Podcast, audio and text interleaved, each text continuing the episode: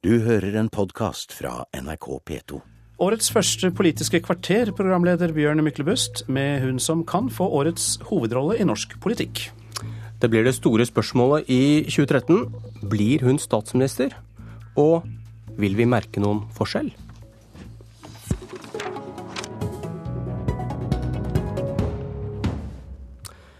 Godt nyttår, Høyre-leder Erna Solberg. Godt nyttår til deg òg. Stemmer det at du og familien allerede har begynt å planlegge livet i statsministerboligen? Nei, det har vi ikke. Tvert imot så har jeg forsøkt å si at vi ikke har noe fokus på det. For det ville, ville, være feil i forhold til alt det andre vi skal gjøre for i det hele tatt å begynne å vurdere det. Du har ikke sett en vegg du vil male blå? Jeg har aldri vært der. Jeg vet ikke hvordan det ser ut, og jeg har ikke tenkt på det. Hva er de viktigste grunnene til at velgerne denne gangen bør tro på et borgerlig regjeringsprosjekt? Fordi at eh, alle de fire borgerlige partiene har tydelig sagt at de ønsker en ny regjering etter valget til høsten. Og eh, vi har klart å samarbeide på flere og flere områder i løpet av denne stortingsperioden. Vi er ikke i mål med alt, men vi er kommet veldig langt, etter min mening. Men hva, hva leser du ut av det Siv Jensen sa i Aftenposten før jul, der hun sier at selvfølgelig skal ikke Jens være statsminister med borgerlig flertall, men det ligger fast at Frp ikke støtter en regjering de ikke er med i. Nei, altså, jeg oppfatter det sånn at Frp ikke vil være et støtteparti til en regjering de ikke sitter i. Det er deres standpunkt. Men at de vil bidra til å få til en ny regjering. Så er det jo sånn at alle politikere har ansvar for, eh, for å sikre at når det innsettes en regjering, at den regjeringen faktisk kan styres, kan styre landet. Eh, men eh, alle partier kommer til å holde på sine posisjoner frem til eh, valgresultat og forhandlinger kommer. Men skulle du ønske at hun formulerte seg annerledes? For noen kan jo da mistenke at Frp ikke er noen garantist for en borgerlig regjering, for hun kan vel ikke si begge ting samtidig? Nei, men hun er nok eh, ganske tydelig på i dette intervjuet at eh, det er klart at det i valget mellom en borgerlig regjering og eh, en fortsatt rød-grønn eller Arbeiderparti-regjering, så er valget deres veldig klart. Men vet du, jeg syns at istedenfor å lete etter millimeterforskjellene i hvordan man formulerer seg, fordi alle partier har noen primærstandpunkt, så gleder jeg meg over at det er så mange av disse partiene som nå er så tydelige på at vi skal ha et regjeringsskifte. Og så er det den jobben som en ny regjering må gjøre, i å sørge for at alle partier på borgerlig side, eh, uansett hvem av de som sitter i regjering, eller forhåpentligvis alle fire kunne klart det, så må vi klare å føre en politikk som eh, gjør at eh, alle fire partier fortsatt ønsker den regjeringen.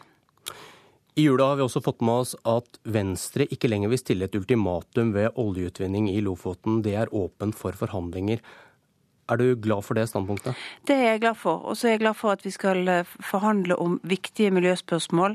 Eh, sørge for å sikre at eh, en fremtidig utvikling i Lofoten og Vesterålen den skal ikke gå på bekostning av miljøet. Fordi få ultimatum gir best utgangspunkt for å klare å bli enige, eller? Ja, og det å stille mange ultimatum, eller enkelte veldig tydelige ultimatum i eh, opptakten til en valgkamp, låser en posisjon. Jeg tror det partiet i Norge som eh, oppdaget det sterkest, det var før eh, inn i valget i 1981, hvor Kristelig Folkeparti sa de kunne ikke sitte i en regjering som skulle styre på abortloven i Norge. De gikk inn i regjeringen to år senere. Det så, for de hadde egentlig med det vedtaket meldt seg ut av å kunne sitte i en regjering for lang fremtid i, i, i vårt land, og de så vel at det gikk ikke. Gjelder det du nå sier for handlingsregelen for bruk av oljepenger også? Det gjelder ikke for bruken av en ansvarlig, altså ha en ansvarlig økonomisk politikk. Eh, det er absolutt det er et grunnlag for, for Høyre å kunne sitte i regjering. Og så er det sånn at Handlingsregelen består av to viktige deler. Det ene er hvor mye penger vi bruker, det andre er hva vi bruker pengene på. Og jeg er opptatt av at en ny regjering skal få til å følge begge de to delene. Men det du sier er at Frp kan glemme å få gjennomslag for sitt syn hvis Høyre skal sitte i regjering? Jeg er helt sikker på at Frp kommer til å få lov å få gjennomslag for mye av det eh, som de er mest opptatt av, nemlig hva vi bruker pengene på men ikke det andre? Altså, vi må føre en økonomisk politikk som sørger for at uh, vekstkraften i Norge fortsetter. At vi videreutvikler kunnskapssamfunnet vårt. At vi sørger for at ikke arbeidsplasser flytter ut av landet i et tempo som gjør at vi ikke fornyer det og skaper nye arbeidsplasser, også utenom oljesektoren. Og Det er jo en av de store fremtidsutfordringene vi har. Og det tror jeg vi skal bli enige med Fremskrittspartiet om. Men her snakker du jo mot det du sa i stad i forhold til at uh, absolutter, det, det, det sperrer for forhandlinger? At det, er, at det, er, styrken etter valg som skal avgjøre dette? her? Eh, men bunnplanken for Høyre i den økonomiske politikken har alltid vært at vi skal føre en økonomisk politikk som er fremtidsrettet, som er ansvarlig, og som bidrar til at eh, norske bedrifter får det lettere, ikke vanskeligere. Å få bruke for mye penger i norsk økonomi kan bidra til at norske bedrifter, norske arbeidsplasser, blir mer utrygge. Derfor er det at Høyre er opptatt av en ansvarlig økonomisk politikk. Du sier nå et veldig klart nei til FrPs syn på bruk av oljepenger, i hvert fall når det gjelder mengden. Eh, mener du det burde avklares før valget at det er Høyres syn på dette som bør ligge til grunn for en borgerlig regjering? Vet du hva, jeg tror ikke at vi kommer til å klare å avklare alle delene av dette. Men vi er enige om én en ting, og det er at det skal føres en ansvarlig økonomisk politikk. Så kommer vi sikkert til å være litt uenige om hvor vektleggingen av hva som er ansvarlig, kommer til å være. Hvorfor skape flere offentlige investeringer i f.eks. skolebygginflasjon, mens flere statlige investeringer i f.eks. oljevirksomhet ikke? Nei, altså, det, jo, det, er jo sånn at begge deler skaper inflasjon. For øyeblikket er jo ikke inflasjon en stor utfordring eh, Men da, da det, økonomi. Da er, vel handle, da er vel synet på bruk av oljepenger her bare et bokføringstriks, da, som eh, Frp mener? Nei, men det, det største utfordringen, og der er vi nok enige med Fremskrittspartiet, den største utfordringen er at hvis Norge legger på seg mange løpende utgifter i årene fremover, som vi skal betale for i mange, mange år, så vil vi komme i ubalanse i økonomien. Det å investere f.eks. i oljevirksomheten gir oss mer inntekter i fremtiden. Å bygge et nytt eh, skolebygg kan gi oss, men det er også mer inntekter hvis skolebygget fylles med et godt faglig innhold. Og Derfor er vi mest opptatt av det som er innholdet i skolen, det som er lærerne, det som er kunnskapen og kompetansen de sitter med, for vi vet at det er det som er det viktigste.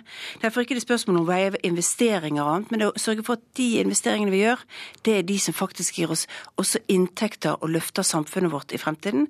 Derfor er det vi er så klar prioritering på at vi skal bygge ut infrastruktur raskere i Norge. Vi skal satse på kunnskap og kompetanse både ved satsing på forskning, men ikke minst med å satse på lærere.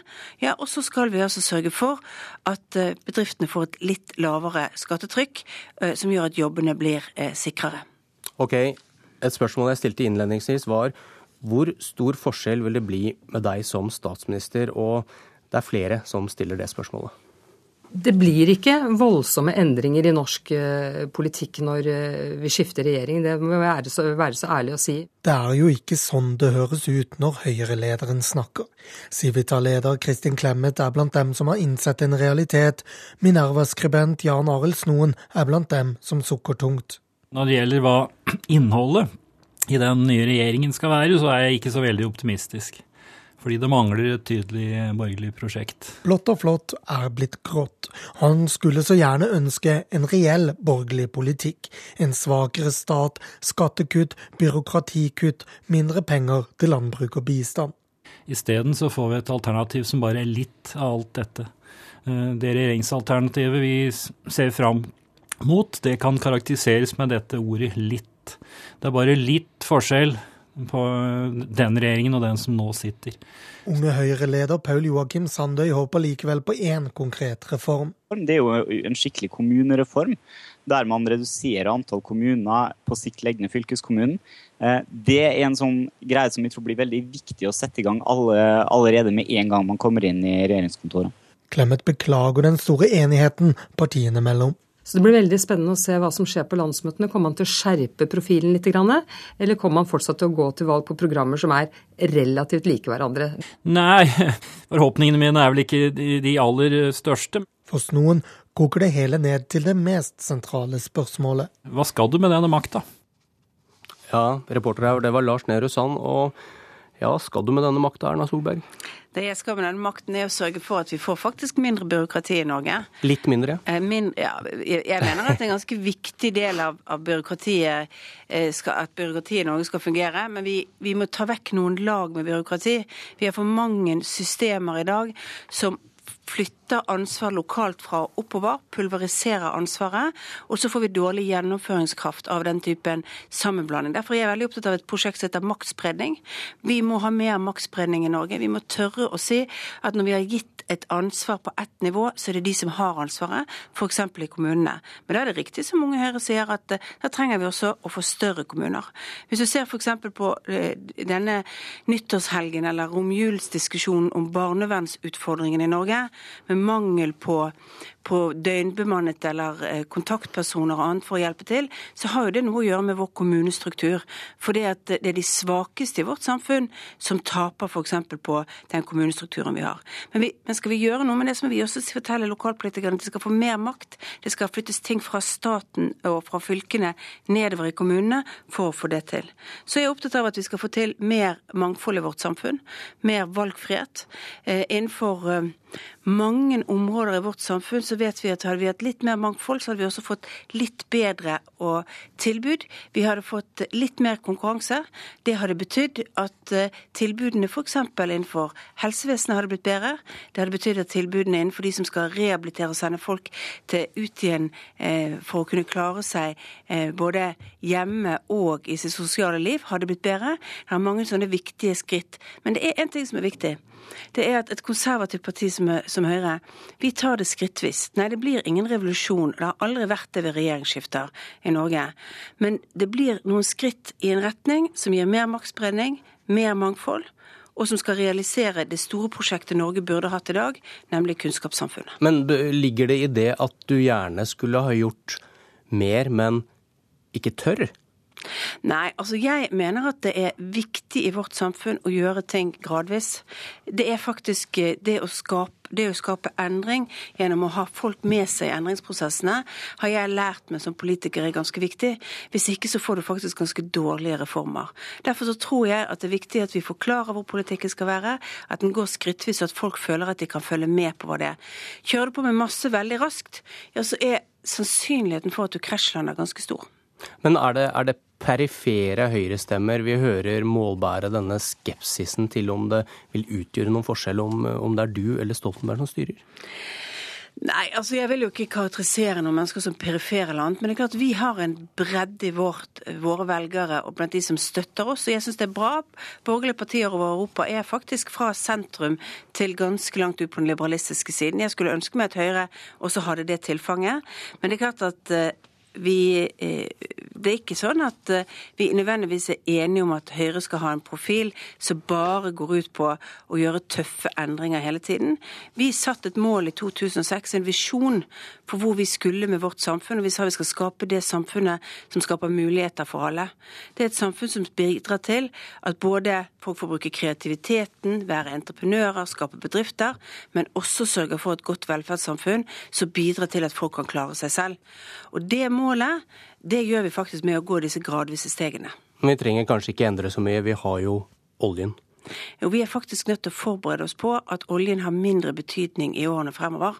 Og jeg tror det er utrolig viktig at vi ikke lar oss eh, lure av at oljen kommer til å løse alle utfordringene våre i årene fremover. Det er jo en av de viktigste grunnene til at vi må satse så sterkt på skole og kompetanse som Høyre ønsker. Men noen mener jo da at det hadde vært framtidsretta f.eks. Å, å, å kutte noe i sykelønnsordningen for å få rette insentiver inn. Det skal lønne seg å jobbe. men at man ikke tør?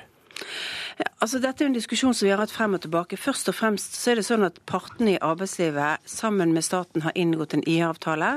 Den avtalen har eh, nå begynt å gi resultater. Og det vi sa før forrige valg, og valget før der, det er at så lenge den gir resultater, så skal ikke vi gjøre noe med sykelønnsordningen. Og jeg mener jo at når vi får resultater, så bør vi heller bygge på det, og så bør vi bygge på det samarbeidet for å få til de områdene vi ikke har resultater på. F.eks. de store antallet funksjonshemmede som står utenfor arbeidslivet, og som ønsker å komme inn. Der er det jo faktisk sånn at sysselsettingsgraden blant funksjonshemmede har gått ned de siste årene, til tross for at vi har hatt en stor vekst i antallet arbeidsplasser.